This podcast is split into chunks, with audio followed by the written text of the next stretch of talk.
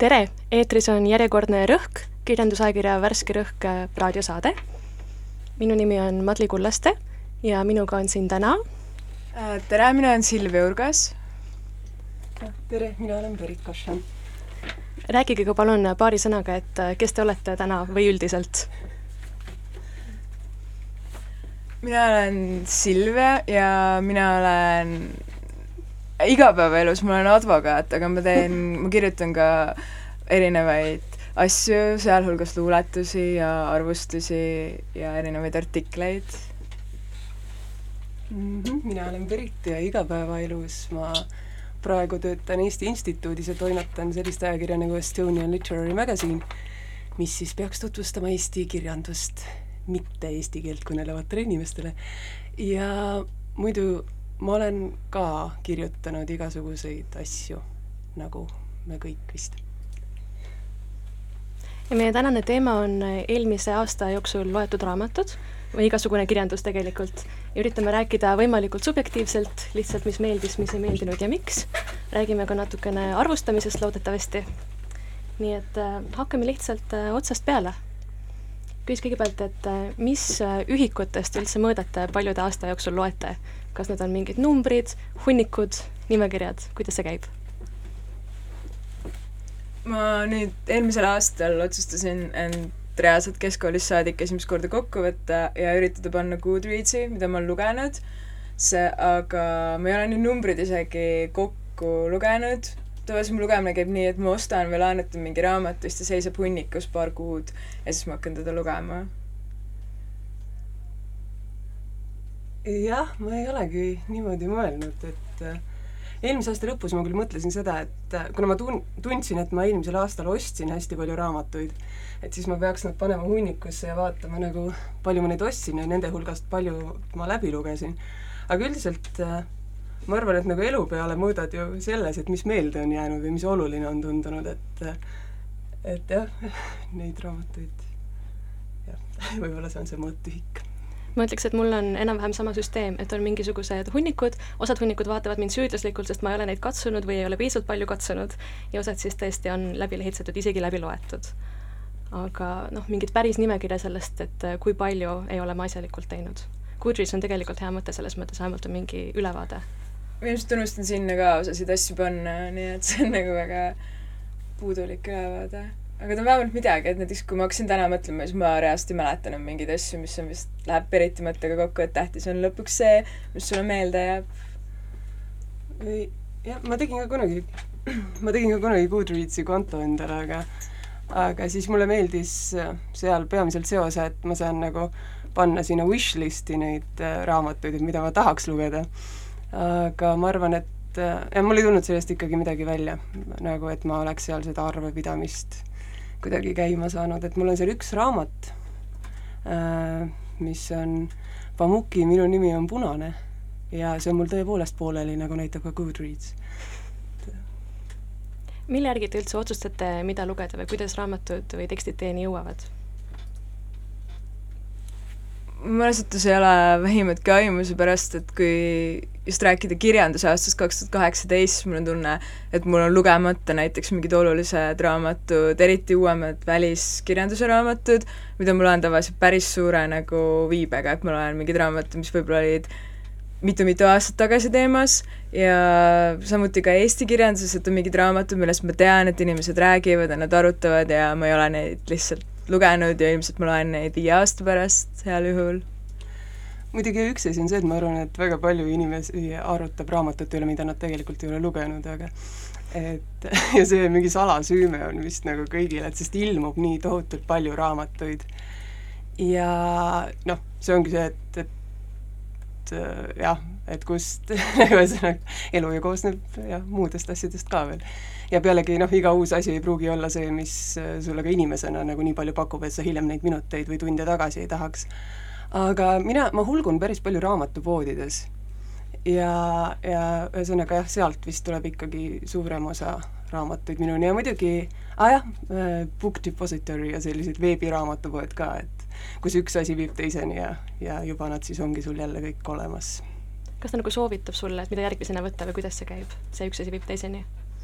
Minu meelest seal on jah, mingid sellised algoritmid või ma ei ole kunagi hmm. et no ta pakub sulle ikka jah, sarnaseid raamatuid või sama autori teisi raamatuid ja hoiab sind kütkes niimoodi palju te sõprade soovitusi tõsiselt võtate, sest mul juhtub see, et noh, ma ütlen, et oi, see kõlab nii põnevalt, ma panen selle oma nimekirja ja siis see minu nimekirja jääbki, et ma ei jõua väga kiiresti selle lugemiseni. on kümne aasta jooksul ikka, aga seda juhtub ka, aga selles mõttes aitab paremini, näiteks viimati käisin sõbranna juures, ütlesin, et ma tahaks ka lugeda seda Karlo Van Oscardi Minu võitlust ja siis ta lihtsalt andis selle mulle kaasa, nüüd see seisab mu laua peal, aga ma jõuan selleni ilmselt rutem kui siis, kui ta oleks lihtsalt öelnud, et palun ka loe seda. et ma ikkagi kuulan sõprade soovitusi, vahepeal mõni sõber räägib väga huvitavalt mõnest raamatust ja ma tahaks temaga koos sellest arutada ja see nagu motiveerib mind seda raamatut lugema või tekitab huvi aga ega ma nüüd alati ei kuula ka nii et päris tihti on jaa, jaa, okei okay,, ma olen ka kunagi ja siin ma olen. tead, ma arvan, et päris palju, noh, nagu kõigi asjade puhul sõltub sellest, et kes soovitab ja sa umbes aimad ju selle inimese maitset ka. et on inimesi, kelle soovitused ka teistes valdkondades lähevad nagu noh, tihemini täppi kui, kui võib-olla teiste inimestega, kelle, kellega sa jagad muid asju. et et äh, jah, kindlasti see töötab, kui keegi annab raamatu kaasa. et, äh, et siis sa võib-olla kuskil bussis või kuskil hakkad seda lugema ja, ja see raamat saab ootamatult oma võimaluse. aga üldiselt äh, ma vist noh, ikka kui lähed seda raamatut ise ostma või, või sellega kuidagi tutvuma, et, et siis noh, lihtsalt ühesõnaga siis, kui sellel hetkel mulle tundub ikkagi, et see ei ole nagu minu veregrupi asi, et siis ta, siis ta jääb teistele mul vist äh, kõige efektiivsem raamatu soovitamine või noh, tegelikult otsemüük oli Tartus Künni tänaval, kus mulle järsku lähenes kirjanik Taavet Atlas, kes müüs hõlma alt omaenda raamatuid. ja siis tal oli juhtunud mingi õnnetus, ma ei mäleta, mis, kas tal oli midagi juhtunud aiatööristadega või kuuriga, igatahes ta rahastas mingit asja hästi kähku. ja siis ta müüs mulle oma hõlma alt äh, kolm oma raamatut ja ma üsna kohe lugesin, sest see oli nii intrigeeriv. Polnud kunagi kohanud sellist lähenemist. aa, üks asi veel on raamatulaaded ju. et äh, jaa, et, et see on nagu ka selline keeruline valik, et kui juba minna, siis tead, et äh, läheb nagu käest ära. eriti halb on, kui sa tead kedagi, kes neid raamatuid müüb ja siis ta kindlasti müüb sulle midagi pähe äh,, määrib sulle midagi pähe ja siis äh, vahepeal on ka väga hea lugemine, nii et see on okei okay. aga jah, samas kui inimene müüb oma raamatut, et äh, siis äh, jah, seal tulevad mingid teised tasandid juba mängu otsustamisel tõenäoliselt mida te üldiselt äh, kirjandusest otsite ja kas see sel aastal oli umbes samamoodi nagu muidu või oli kuidagi imelik lugemisaasta? selles mõttes mina näiteks, ma võin öelda, elasin minevikus sel aastal ja lugesin kirjandust, mis äh, ilmus ammu-ammu ja sellepärast äh, uuemad tulijad läksid minust täiesti mööda. ma lugesin võib-olla eelnevatel aastatel hästi palju, või mitte hästi palju, ma lugesin üldse vähem mingitel aastatel ma nüüd, nüüd hakanud jälle rohkem lugema aga ma lugesin palju ingliskeelset kirjandust ja nüüd ma kuidagi teadlikult üritasin end suunata, et ma loen eestikeelset kirjandust rohkem, kas tõlkena või siis originaalselt eesti keeles ilmunud kirjandust, et mingi hetk ma lugesin lihtsalt ingliskeelseid erinevaid raamatuid, mis mind huvitasid ka näiteks popkultuurist ja suhteliselt vähe lugesin sellist eestikeelset ilukirjandust, välja arvatud luulekogusid, mida ma olen üritanud alati lugeda, Eesti uut luulet aga see aasta ma lugesin äh, hästi palju Tammsaaret, sest ma ei olnud mitte kunagi elus lugenud Tõde ja õigust enne seda suve. ma olin veits sirvinud, aga ma ei olnud seda kunagi lugenud, mu koolis ei olnud see kohustuslik millegipärast. paljud inimesed olid hästi hämmingus, et kuidas ma keskkooli lõpetasin üldse nii, aga siis ma lugesin Tammsaaret põhimõtteliselt äh, pool aastat, lugesin kõik Tõed ja õigused, kõik romaanid läbi, lugesin jutustusi, et see oli selles mõttes äh, tavapäratu aasta jah, ma selles suhtes äh, no jah, toimin vist üsna samamoodi, et ikka suur, noh, väga paljusid asju sa loed mingi hilinemisega, mõnikord isegi ma ei tea, kahekümneaastase hilinemisega ja oled selle üle isegi rõõmus, et, et see asi rohkem kõnetab sind tänu sellele, et et sa oled jõudnud selleks inimeseks kasvada või, või noh, kuidas iganes, aga aga noh, minu päevatöö nüüdne on just Elmi juures on, on toonud minu ellu tagasi nii-öelda kaasaegse eesti kirjanduse. sest äh, ja noh, sest muidu ma väga hoolsasti seda lugenud ei ole elus, et äh, ja aga, aga samamoodi jah, nagu Silvia ütles, et ikkagi luulel mulle tundub, et ma olen kuidagi silma või peal hoidnud või kätt pulsil või kus iganes, et kuigi tegelikult äh, luuleraamatud jah, üldiselt on ju õhemad, aga nad noh, hea luulekogu ei nõu-, ei küsi sult üldse vähem aega kui, kui mõne inimese romaan. et aga jah, ju siis nii on õige praegu mm. -hmm. äkki räägid siis kohe, et millised luulekogud äh, kõige suuremat mõju avaldasid selle lugemisaasta jooksul mm,? jah, võin rääkida küll mm. -hmm. et äh, no praegu tundub, et äh, esimesed sellised kogud, mis mulle kohe meenusid, kui me hakkasime ka sellest saatest rääkima, et et üks oli Mehis Heinsaare Pingeväljade aednik mis on siis üldse Heinsaare teine luulekogu selles elus mm -hmm. kuuldavasti ja jah, see on ka selline mõnus tõmmis, et äh, ega ma teda päris nagu lõpuni ei ole veel ähm, ma ei tea, läbi töötanud, kõlab kuidagi liiga tehniliselt, et aga, aga ühesõnaga joonud, jäädes kujundile truuks äh,. Ja kindlasti Eda Ahi Sõda ja rahutus ja, ja üks luulekogu, mis meenus mulle täna hommikul veel, mille ma lugesin eelmisel suvel läbi äh, mingisuguse kahe tunniga ja, ja see nagu, sellest on siiamaani väga palju mulle nagu jäänud meelde ja resoneeruma, oli äh, Andrus Kasemaa Kui ma ükskord suren, oli see pealkiri. Jah. Sest et äh, see oli täpselt selline ka hea asjade kokkusattumus, kokkusattumine, et äh, ma võtsin selle raamatu poest ja ma läksin pärast seda kohvikusse ja ma lugesin seda vist kuskil tund-poolteist ja niimoodi tõesti, et, et heldid ja, ja naerad ja natuke nukrutad kaasa ja, ja siis sai läbi, aga see kuidagi hästi elavalt on veel minu sees alles. Võib-olla enne valetasin ja ma ei ole väga lugenud kõiki kaks tuhat kaheksateist luulekogusid, mida ma oleks tahtnud lugeda, aga mulle väga mõjus Tõnis Vilu Libavere, et see oli üle tüki aja, kui ma lugesin mingit luulekogu ja ma olin nagu täiesti vaimustuses, et see oli täiesti, et see oli noh, üks asi on see vorm, et ta oli teistmoodi kirjutatud, aga nagu ka sisult oli mu jaoks nagu väga mõjuv ja see oli jah, selline teos, mille üle nagu sõpradega arutada ja et on hea meel kohata inimesi, kes on seda raamatut lugenud, sest ma tahaks nendega sellest rääkida. Aga teine asi, mis ma lugesin päris aasta lõpus, oli Mart Helme luulekogu Kolm korvi, mis ilmus vist mingi kaheksakümnendatel. Ja siis ühel mu sõbral vedeles äh, kodus ja ma lugesin selle lihtsalt tema juures läbi nagu öösel enne magama jäämist ja see oli väga huvitav nagu sissevaade mingi inimese ellu, keda ma tänapäeval võib-olla ei samastu temaga, aga kui ta oli noor, siis ta kirjutas, ütleme, päris okeilt ja ta oli vaimustuses mingi idamaade filosoofiast ja kõigest sellest, et nagu ma tean seda teoorias, et ta oli selline kultuuriinimene ja võib-olla selline isegi omal ajal lahe dude, aga päris huvitav oli nagu nüüd lugeda seda luulekogu, et selline, endal oli ka veits selline halb tunne, et iga kord, kui mulle midagi meeldis, ma olin nagu, et ei, nagu miks nagu et, et see kindlasti oli mu nagu luulekogude lugemiselamus number üks kahjuks. ja siis ma lisasin selle raamatu ka Goodreadsist, ta ei olnud seal ja siis mõtlesin ka, et nagu kas ma teen nagu head maailmale või halba, aga noh. oota, aga missugune stiil ja vorm, kas riimluule? Äh, seal oli ikka, seal oli vist erinevaid, et see oli ka mingi pika aja jooksul kirjutatud, aga seal oli palju selliseid lühikesi vabavärsilisi luuletusi ja ka selliseid veits nagu mingi Jaapani stiilist inspiratsiooni saanud, et jah, selline nagu tol ajal kaasaegne vabavärss ikkagi peamiselt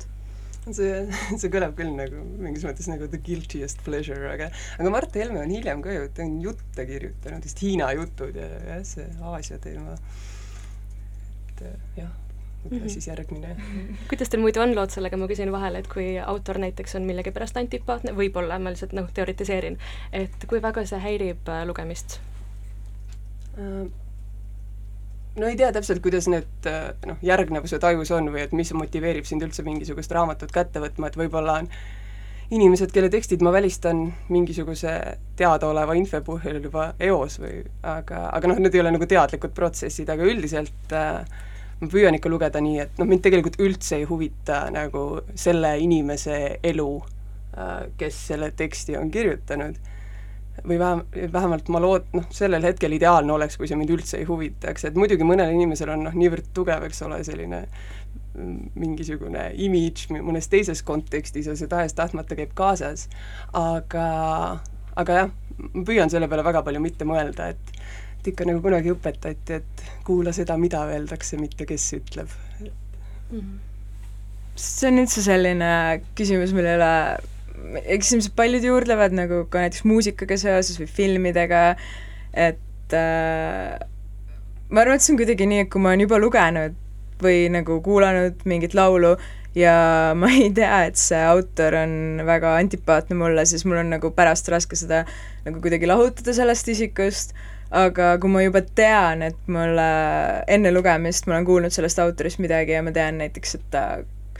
on ikkagi väga halb inimene objektiivselt, siis, siis on kuidagi raske seda lugeda, et no ma olen ise ka mõelnud kõikide nende, mis praegu on räägitud, igast naisepexast räpparid ja kas või Kanye oma Trumpi teemaga ja rääkimata, et kõik mingid klassikalised meessoost kahekümnenda sajandi alguse kirjanikud olid ilmselt parajad sitapead, et et ma ei tea, see on suhteliselt raske küsimus, aga üldiselt jah, pigem tuleb vist lahus hoida, sest muidu sa kunagi ei tea ja ei saa kunagi midagi nautida, jah see on noh, mingis mõttes nagu hästi üsna kindel viis oma nii-öelda südant murda või või noh, selliseid läbinisti harmoonilisi inimesi on ikka väga vähe. aga samas see fenomen nagu toimib teistpidi ka, et mille peale ma olen ka mõelnud, et et samas, kui keegi on nagu andnud välja midagi sellist, mis on nagu noh, ütleme sümpaatne või isegi hea, siis hästi tihti nagu kuidagi automaatselt noh, tema järgnevaid tegemisi hinnatakse selle pinnalt, ja, ja järjest vähemaks jääb inimesi, kes vaatavad, et kas tegelikult igas tema järgmises teoses on mingisugune kvaliteeditõus või, või noh, mingisugune midagi sellist, mille pärast me ikkagi peaksime teda oluliseks pidama. et juba nagu nimi nagu kaubamärk. just, et esile mm -hmm. tõstma, et, et ei vaadata enam teoseid eraldi, noh, see kõik on nagu jah, väga, väga inimlik, nii ju ühiskond vist toimibki aga mm -hmm. nii, ja teie lugemisaasta kõrghetked proosas oleks millised? Ma pean ikkagi, ma lugesin siiski kui mulle arvab, ma lugesin Tammsaaret korralikult esimest korda oma elus ja mm -hmm. ja see oli selles mõttes väga nagu vaimustav, sest tõesti mingi on, mis mul on kogu aeg räägitud, et jaa, see on hea ja loe Tõde ja õigust ja loe Purgu põhja uut vanapaganat ja ma pean tõdema, et see oli väga hea ja kõigil oli õigus kogu mu elu. nii et ma paratamatult olin nagu väga Tammsaare vaimustuses kogu aasta ja kõik muu nagu paratamatult natukene on juba ununenud mm. -hmm. Uh, mina lugesin sellel aastal ka päris palju muinasjutte uh,, mis uh, jah, ja, ja sain sealt ka päris palju elamusi, aga kui rääkida konkreetsetest kirjandusteostest, siis esimene, mis mulle tuli pähe, oli Inga Kaile Klaas, et see ilmus Loomingu raamatukogus, et noh, kuna Balti riikide sajanda sünnipäeva puhul ka siis ilmus rohkem tõlkeid äh,, ilmusid mõned tõlked leedu ja läti keelest äh,, siis noh, Noora Ikstena Emapiim muidugi ka, aga, aga ma arvan, et see raamat on saanud juba nagu piisavalt palju tähelepanu, et, et Kaile Klaas sinna kõrvale panna, et see temaatika on üsna sarnane ja see on ka selline tõeliselt vägev raamat, et äh, muuhulgas äh, räägib ka sellest, kuhu, milleni võib viia selline läbinisti positiivne rahvastikupoliitika või, või vähemalt see ideaal. et äh, jah, kas kõigi muude tasanditega. mille poolest ta nii vägev on kui palju mina räägin? Äh, noh, kindlasti mind kõnetas see temaatika, see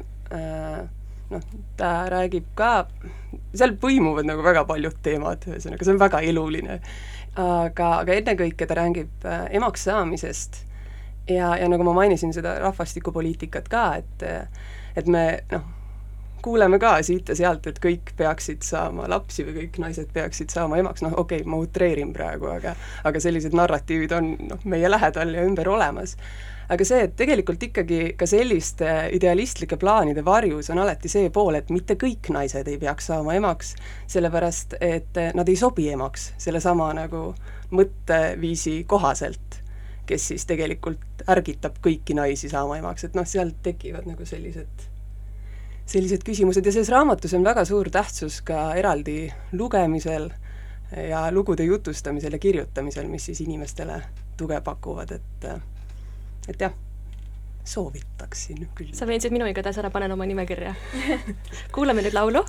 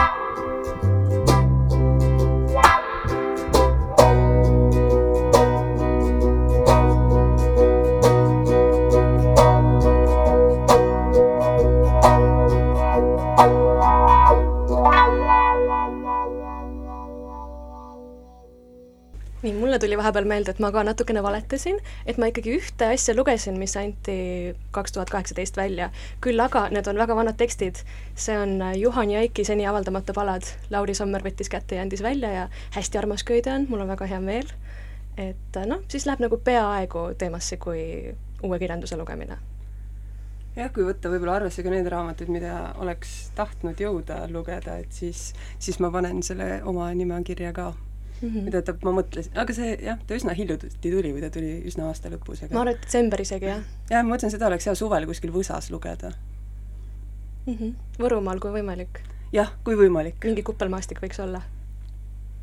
jah, see muidugi kõik see kontekstile esitatud nõudmised oluliselt vähendavad seda lugemise tõenäosust, nii et aga, aga miks mitte sihtida kõrgele nii, mis äh, loetud kirjandusest teile tekitas kõige rohkem mõtteainet ja missugust mõtteainet? ma lugesin ühe vana Vahur Afanasjevi äh, raamatu läbi äh,, kus oli kas Straat Ontariost või mingist muust Kanada linnast ja selles mõttes see oli nagu väga vigadega raamat, eriti ta hilisema loomingu kõrval, aga mul oli seda väga äh, lõbus lugeda, sest see oli lihtsalt äh, nii hullumeelse nagu sisuga, et see raamat, see vist ilmus mingi kaks tuhat kuus äkki, nagu ma räägin, ma väga palju ei oska kõigest, aga see, selle sisu oli äh,, see oli põhimõtteliselt nagu fiktsionaliseeritud versioon sellest, kuidas Vahur Afanasjev töötas äh, Lääne-Virumaa maakonnalehes. Ja see oli selline nagu fiktsionaalne äh, toimetus, kus oli fiktsionaalne Oleg Gross sellise fiktsionaalse Rakvere äh, sellise ärimogulina ja see oli lihtsalt nii hullumeelne ja naljakas, et ma mõtlen selle peale siiani vahepeal, siis mul mingid asjad meenutavad seda teost ja ma kogu aeg mõtlen, kuidas luua samasuguseid äh, nagu päris kohtadel põhinevaid veidraid ajakirjandusväljaandeid ja veidraid inimesi, et see selline, et ma ei saa öelda, et see oleks olnud nagu väga-väga hea raamat, aga see millegipärast, ma olen sellele mõelnud nüüd juba peaaegu aasta aega.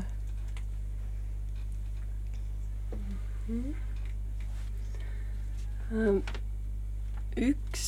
eelmisel aastal loetud raamatutest, mis ma nüüd, ma ei tea, võib-olla see anti välja kaks tuhat seitseteist lõpus või kaks tuhat kaheksateist alguses, igal juhul. Äh, mis, mille peale mina olen nagu tagasi mõe-, mõtlemas ennast leidnud viimasel ajal, on, oli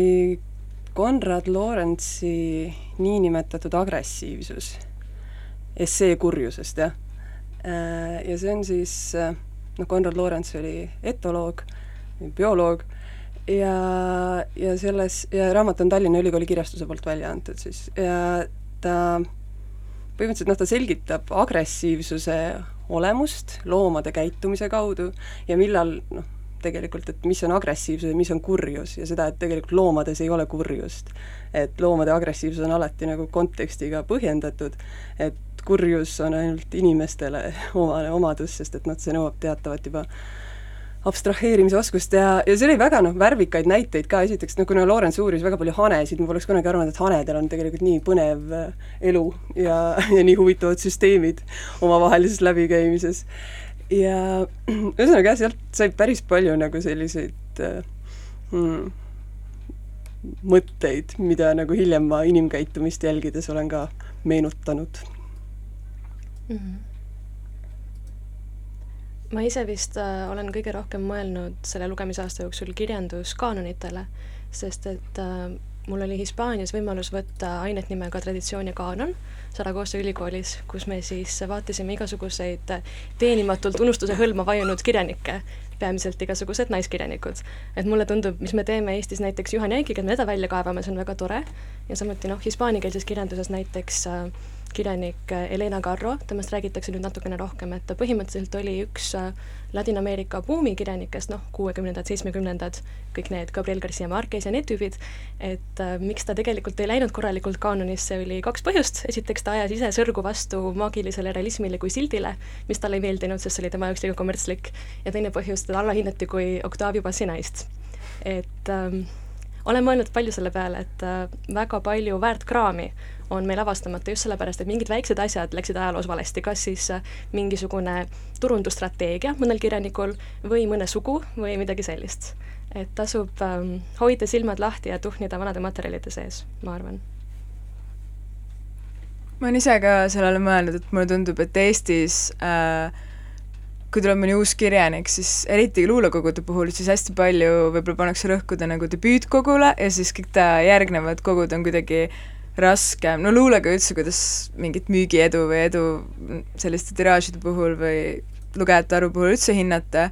välja arvatud muidugi mingid Instagrami luuletajad, kuhu ma isegi ei lasku, sest ma lähen närvi, aga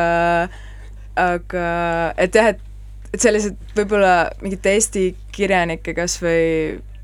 teised või neljandad või kuuendad raamatud kuhugi kaovad ja neid peaks võib-olla teadlikumalt ka üles otsima, sest see ei tähenda, et inimene hakkab halvemini kirjutama, kui temast vähem räägitakse hmm.. ma ei tea, ma ei oska vaadata sellise pilguga, et et, et jah, et, et see kajastuste arv või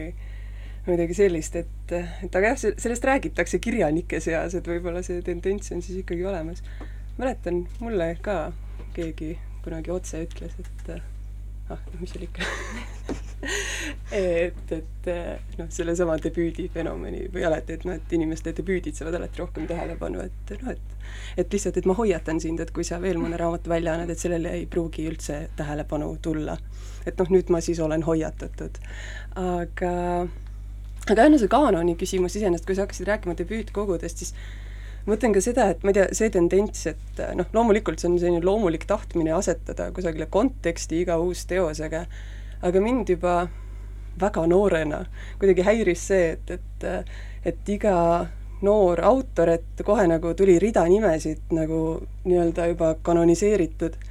nimesid või, või kirjandust, et kellega ta siis nagu ühte ritta asetub. et äh, see tundub mulle siiani mõnevõrra ebaloomulik, et et ega ju okei okay,, ma saan aru, et kirjandusloo mõttes nagu see on jah, loogiline lähenemine, aga, ja eks mingi tähendus nagu settib ju aja jooksul ja eks siis noh, ma ei tea, saja aasta pärast näeb, kes kusagile tegelikult asetus. aga see tundus äh, võib-olla selles mõttes, et kui inimene annab, noor inimene annab välja oma debüütteose, siis ta ju ei noh,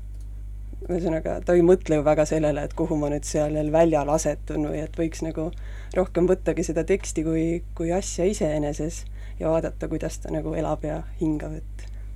see on vist etteheide arvustajatele, aga noh, samas kui ise ka midagi arvustad, siis paratamatult mm. tuletab sulle midagi meelde ja siis tahad seda millegagi võrrelda, et see on vist võib-olla jah, selline nagu lihtne lõks, kuhu kukkuda arvustades, mis alati ei ole lõks, aga see on ilmselt selline nagu soov ikka midagi kuidagi võrrelda ja kuidagi mõtestada varasema kaudu jah, ei no see on päris kindlasti, see on hästi noh, loomulik ju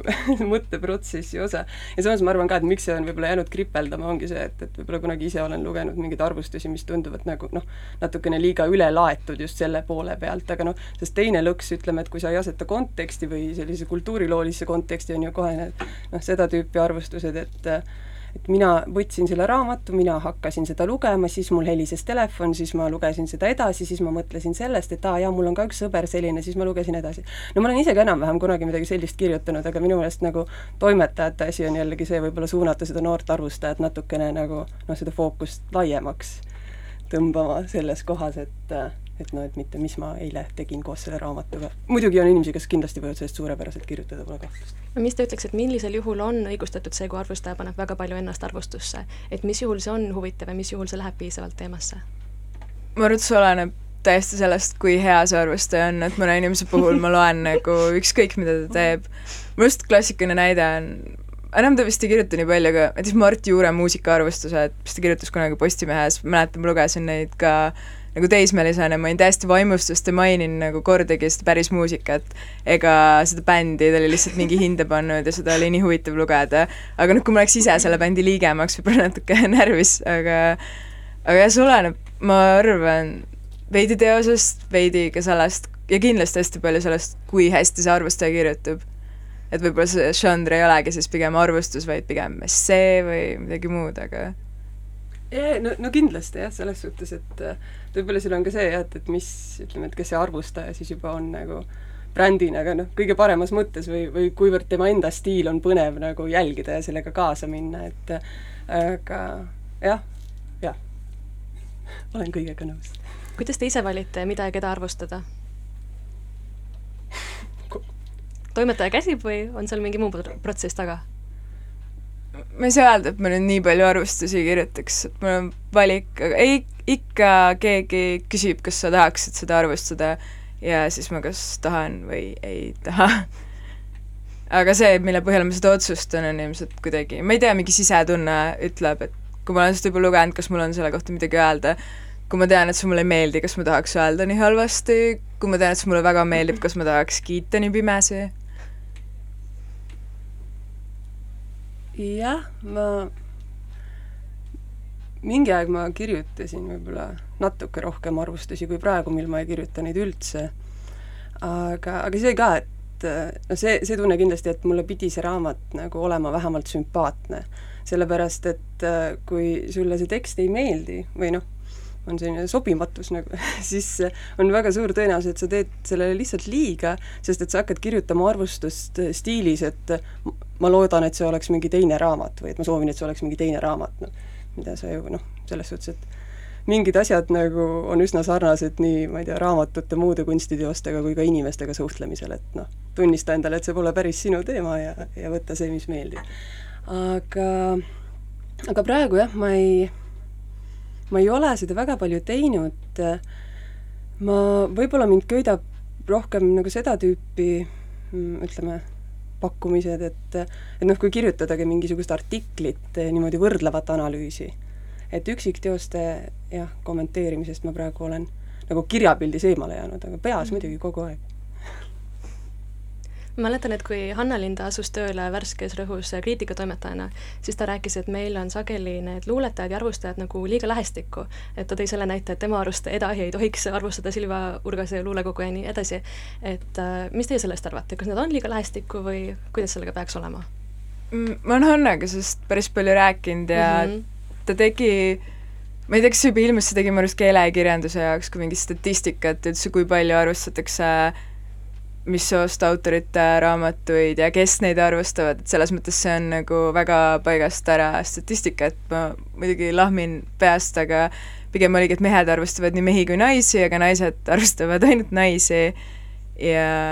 et selles mõttes see on kindlasti nagu probleem, et see on, või noh, ma ei tea, kas see on probleem, täitsa pole nii oluline küsimus vist maailmapildis, kliima soojenemine. no Eestis võib olla olulisem kui mujal. aga, aga jah, kindlasti, aga ilmselt see on seesama nagu kast, mis on arvustajatel, et sulle seondub see raamat millegagi ja kellegagi ja siis sa nagu liigud sealt edasi.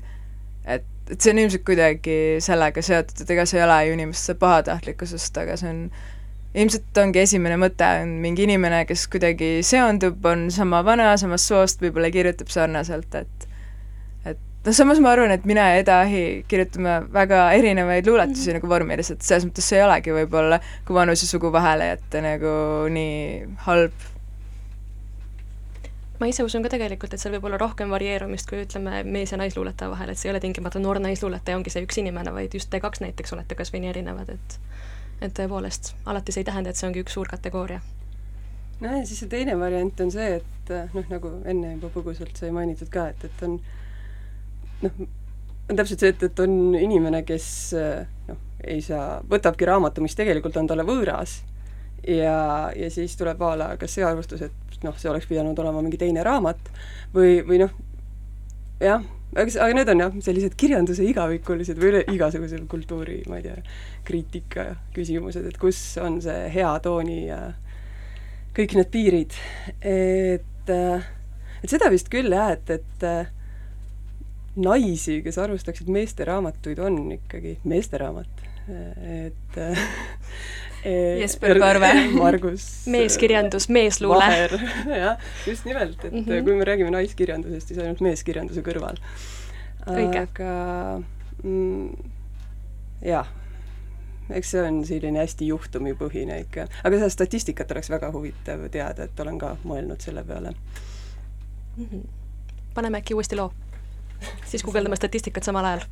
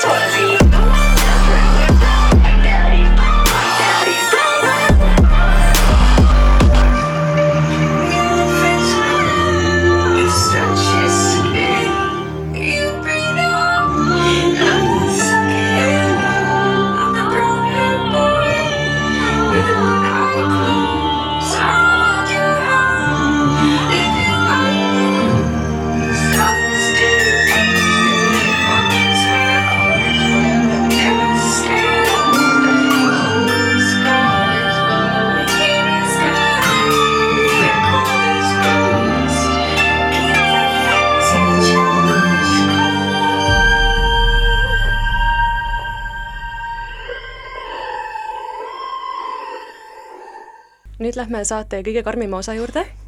räägime sellest, et mis loetud kirjanduses ärritas, närvi ajas, häiris.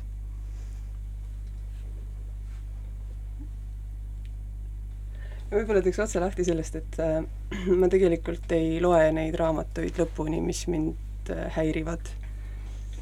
või kuidagi noh, mis on ka omaette teema, mida, millest võiks Mhm. võib-olla, kui me jõuame rääkida siin või millalgi hiljem, et kas te loete kõik asjad lõpuni, mida te olete kindlasti alustanud? mitte, elu on nii et ma lühike. tean inimesi, kes seda teevad ja, ja noh, täiesti, et ei saa järele jätta, et see on ka mingis mõttes imetlusväärne meelekindlus. ma arvan, see on mingi häire.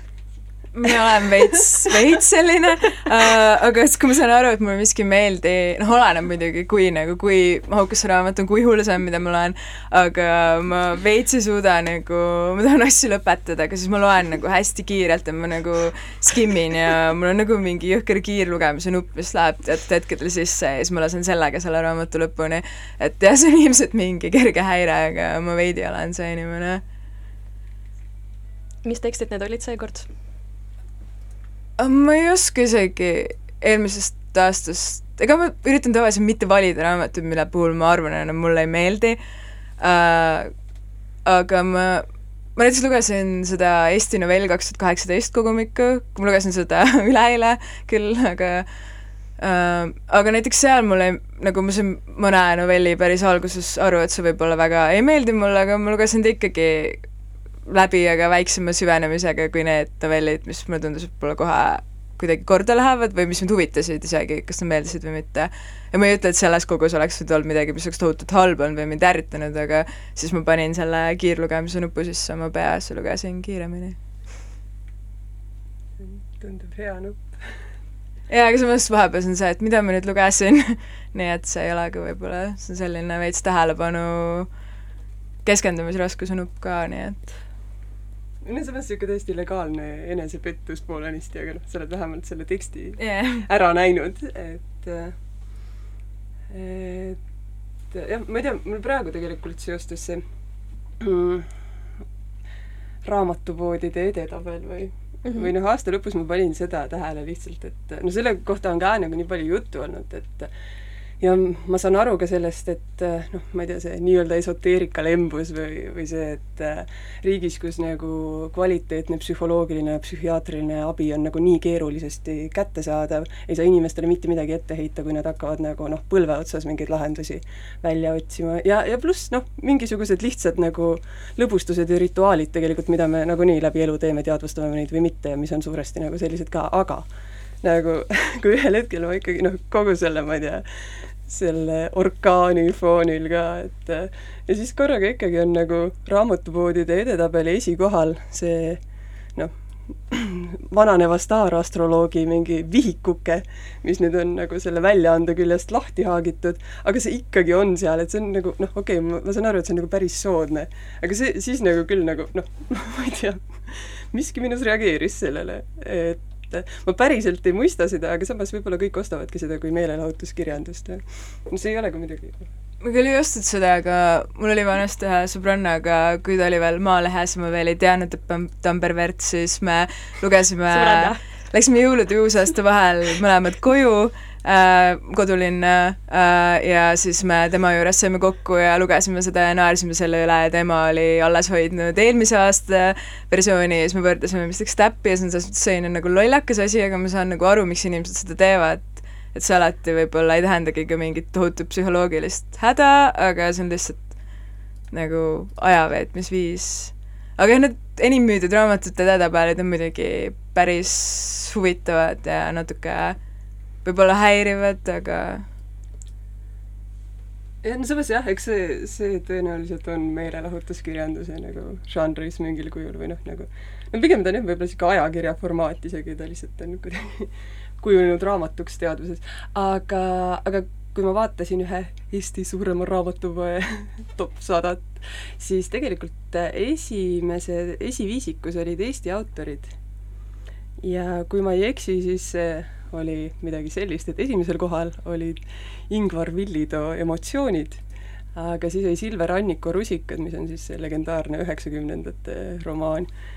vastakaid arvamusi tekitanud ah,. ja siis oli jah, Afanassjevi Serafima ja Bogdan, siis Leelo Tungla Seltsimees laps ja Andrus Kivirähki Tilda ja tolmuingel, nii et noh, tegelikult see on ju päris hästi ja eriti, kui nii Rusikad kui Serafima ja Bogdan nagu parajad massiivid, et nagu kui mõelda, et no ma ei tea, kas inimesed loevad neid või nad loevad neid, nagu mina olen raamatuid vahel,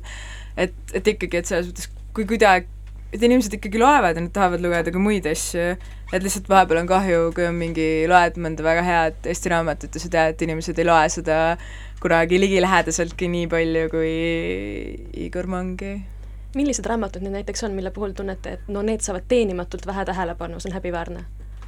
no kõik Tõe ja õiguse osad peale esimese jaa, see on tõsi, viies on väga alahinnatud pärl. aga ma arvan, et kõik võib-olla luuleraamatud, mitte kõik muidugi, aga nagu hästi paljud, et nagu luuleraamatute tiraaž on nagu ta on. ja, ja see võiks olla suurem ja et rohkem inimesi loeksid neid. Aga muidugi see on ka tõesti siuke era-, ohoh see oli väga tähtis jupp. saade katkeb varsti.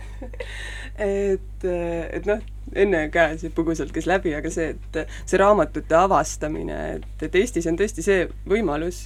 noh, väga, väga paljude inimeste puhul olemas, et sa tõesti nagu avastad, et umbes ta on mingis hoopis teises valdkonnas nagu endale nime teinud ja seda, et ta siis kahekümnendates on välja andnud mingisuguse luuleraamatu, mis on tõeliselt hea. Et, et jah, neid raamatuid, ma loodan, et kõik leiavad endale midagi sellist kas sa oskad kedagi välja tuua peale Mart Helme, kelle raamat ei olnud tõeliselt hea, võib-olla igaks juhuks? minu jaoks kunagi kunagi oli selline üllatus, oli see, kui ma avastasin Kalev Keskküla, kuigi noh, ta on ka kirjandusega seotud, oli, oli kuni lõpuni, aga äh, luulekogu Läbi linnaöö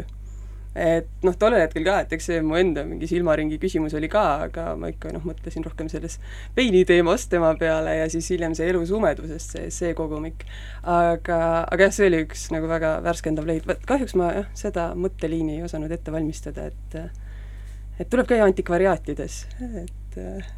sealt leiab kõike mm. -hmm kuidas teil selle aasta jooksul omaenda luule või proosa kirjutamisega läks? Ma vahepeal see aasta, kuna ma üritan nüüd kokku võtta ja keskenduda pikematele, pikematele raamatutele, mida lugeda, pigem pikematele tekstidele, mida kirjutada, teha ühte asja korraga pikema aja jooksul, siis ma olen vahepeal nagu mõelnud, et kas ma täna loen näiteks midagi või vaatan midagi või uurin mingit muusikat või kirjutan ise midagi, et minu jaoks nagu ma olen aru saanud, et aeg on piiratud ressurss, eriti kui sa käid tööl täiskohaga ja siis on paratamatult tekib vahepeal ka valik, et kas sa tahad midagi lugeda või midagi kirjutada ja kui sa oled kohe midagi lugenud, siis selle järel ise midagi kirjutada on väga raske, sest sa võid kirjutada täpselt nii, nagu see inimene ees kirjutas, mis on halb. nii et äh, jah, üritasin tasakaalustada, aga jah, äh, jah, valikute küsimus, et paratamatult selleks, et hästi kirjutada, sa pead olema palju lugenud, aga kui sa loed väga palju, siis sul ei ole aega kirjutada, nii et kas ma saan õigesti aru, et sul on kuskil mingid luuletused, kus on tugevad Tammsaare jääknähud sees ma tegelikult loodan, et ei ole. ei, neid ei eksisteeri? -hmm. Piret, kuidas sinuga? ähm, mingis mõttes üsna samamoodi jah, et, et see on see valikute küsimus, samas noh, selle viimase teemaga seoses, et seda päris paljud ütlevad ja tõesti on ka endal mingil määral praktikasse välja tulnud, et, see stiil või, või mingi asi, mis nakkab. Ja, ja ma tean, et noh, inimesi jälle erinevates valdkondades, kes sellel perioodil, kui nad ise nagu on otsustanud midagi luua, et siis nad hoiavad ennast võimalikult palju eemale nagu äh, võimalikust, võimalikest ka positiivsetest mõjutajatest, et äh, aga mm, ma arvan, et läks enam-vähem hästi, et äh, ma olen peaaegu suutnud luua sellise rutiini, et ma teen iga päev natuke, mis on mingi täiesti uus asi mu jaoks. sest et äh, aga see on jah, see täiskohaga töö ka, ma arvan, et, et sa tead, et seda aega nagu sul noh, võib-olla mingi kahekümne ühe aastaselt oli, et ma nüüd nagu sukeldungi sellesse teemasse ja küll ma pärast teen need ained järgi ja nii edasi, et noh, võib-olla noh, niimoodi graafikus ette näha ei ole, et siis tuleb õppida jaotama neid doose. aga, aga jah, midagi, midagi olen saanud tehtud. Ja loetud ka. ja sina? mina, ma olen mõtelnud nende lugemispohmakate peale, et kui raamatud avaldavad hästi tugevat mõju, eks ole, et üks asi siis kirjutades, teine asi isegi suulises kõnes vahel ja kolmas asi meeleoludes. et äh, ma olen täpselt selle tüüpi inimene, kellel vahel on tugev kassiahastus pärast mingeid raamatuid, ütleme näiteks see Andris Feldmani see düstoopia viimased tuhat aastat, mida mina lugesin hilinenult, äh, pärast seda oli tõesti järgmine päev selline tunne, et milleks see kõik? ma olin nagu täiesti teine inimene, nagu, nagu noh, ma ei, ma ei saa öelda depressioonis, aga väga tugevad jääknähud. et kas teie näiteks, kui te loete, kas te pigem üritate kombineerida raamatuid, et vältida seda suurt kaasaminemist või te pigem lasete teha endaga, mida kirjanik tahab? ma lugesin äh, selle, eelmise aasta kevadel seda Yuval Noah Harari Homo Deus ja Homo sapiens, vastupidises järjekorras äh,, mis tõlgiti nüüd eesti keelde ka mõlemad, et see pole küll ilukirjandus, aga ta äh, kirjutab ühes raamatus siis, kuidas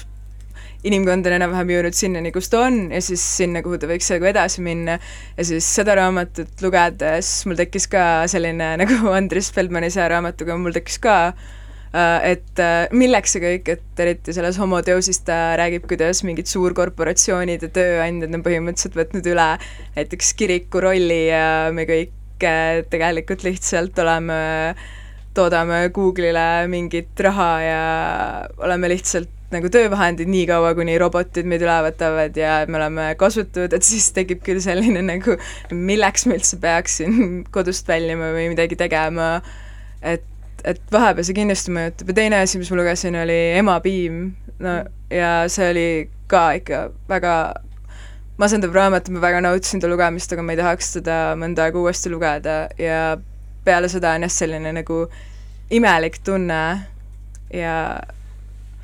et selles mõttes ei tasu võib-olla lugeda väga palju järjest selliseid raamatuid, mis nagu totaalselt nihestavad su maailmapilti, siis sa võid mingisse kriisi laskuda ja see on väga ebaproduktiivne. aga ma teadlikult vist ei suuda seda valikut teha, et vahepeal ikka juhtub, et loed järjest hästi palju asju, mis su hävitavad ja vaatad filme, mis su hävitavad ja kuulad muusikat, mis ajab sind nutma ja siis jah mm. -hmm. see on ka minu süsteem. tead, ma võib-olla selles kontekstis tooks siis välja, et äh, ma lugesin eelmisel aastal ka Põhjala müüte, et äh, ja, ja sain selles suhtes positiivset kinnitust, et jah, et jumalate hukk ja maailma lõpp on nagu ette kirjutatud, aga pärast seda läheb ikkagi elu edasi. ja, ja kukkusin ka selles suhtes heas mõttes tsüklisse, et äh, nüüd ma olen püüdnud hankida endale juurde vastavat kirjandust ja ja siis vahepeal olen mõelnud, et äkki hakkaks nagu edasit lugema, aga tegelikult ma arvan, et äh, kes teab, aega on, aga jah. edasi nagu ei, nagu vanemat ja nooremat edat. aa, ma mõtlesin väljaanne edasi ma sain väga valesti no seda ka, jah. ei, see on ka tore mõte. jah, mõttena on tore jah, et aga nõuab seda aega ja keskendumist, et jah mm. -hmm. kas teil praegu on ka mingi nimekiri kirjandust, mida te tahaksite järgmisena lugema hakata? Need on vist need hunnikud mu kodus raamatutest, mis ma olen ostnud ja kokku laenanud. Jah, ma kavatsen minu võitluse raamatuid lugema hakata, mul on mingid Mati Jundi kogutud teosed, mida ma võiksin üle lugeda, mida ma tahaksin väga lugeda. et ma vist peakski neist alustama esialgu Mm. jah, neid raamatuid on väga palju ja nad on nagu elava etteheitena, või noh, peaaegu elava etteheitena nagu kodus mu ümber igal pool. aga praegu meenus selline romaan nagu Ka nagu kull, mille ma ostsin eelmise aasta lõpus millalgi ja see räägib loo naisest, kes hakkab taltsutama kanakulli, et tulla toime oma leinaga ja see tundus põnev. võib-olla ma loen selle nüüd läbi. panen ka nimekirja minu nimekirjas tegelikult praegu troonivad hästi karmid asjad, just need, mida ma ei julge veel lugeda. et äh, Unika Sürn ja, ja sellised kirjanikud, et ma ootan just seda õiget hetke, kus on nagu sobilik kukkuda mingisse auku ja siis loen. äkki siis, kui valgemaks läheb? näiteks, ma arvan, praegu ei ole veel see aeg. aga suur aitäh teile, aitäh Berit, aitäh Silvia, aitäh mulle ja, ja aitäh, aitäh Ida Raadiole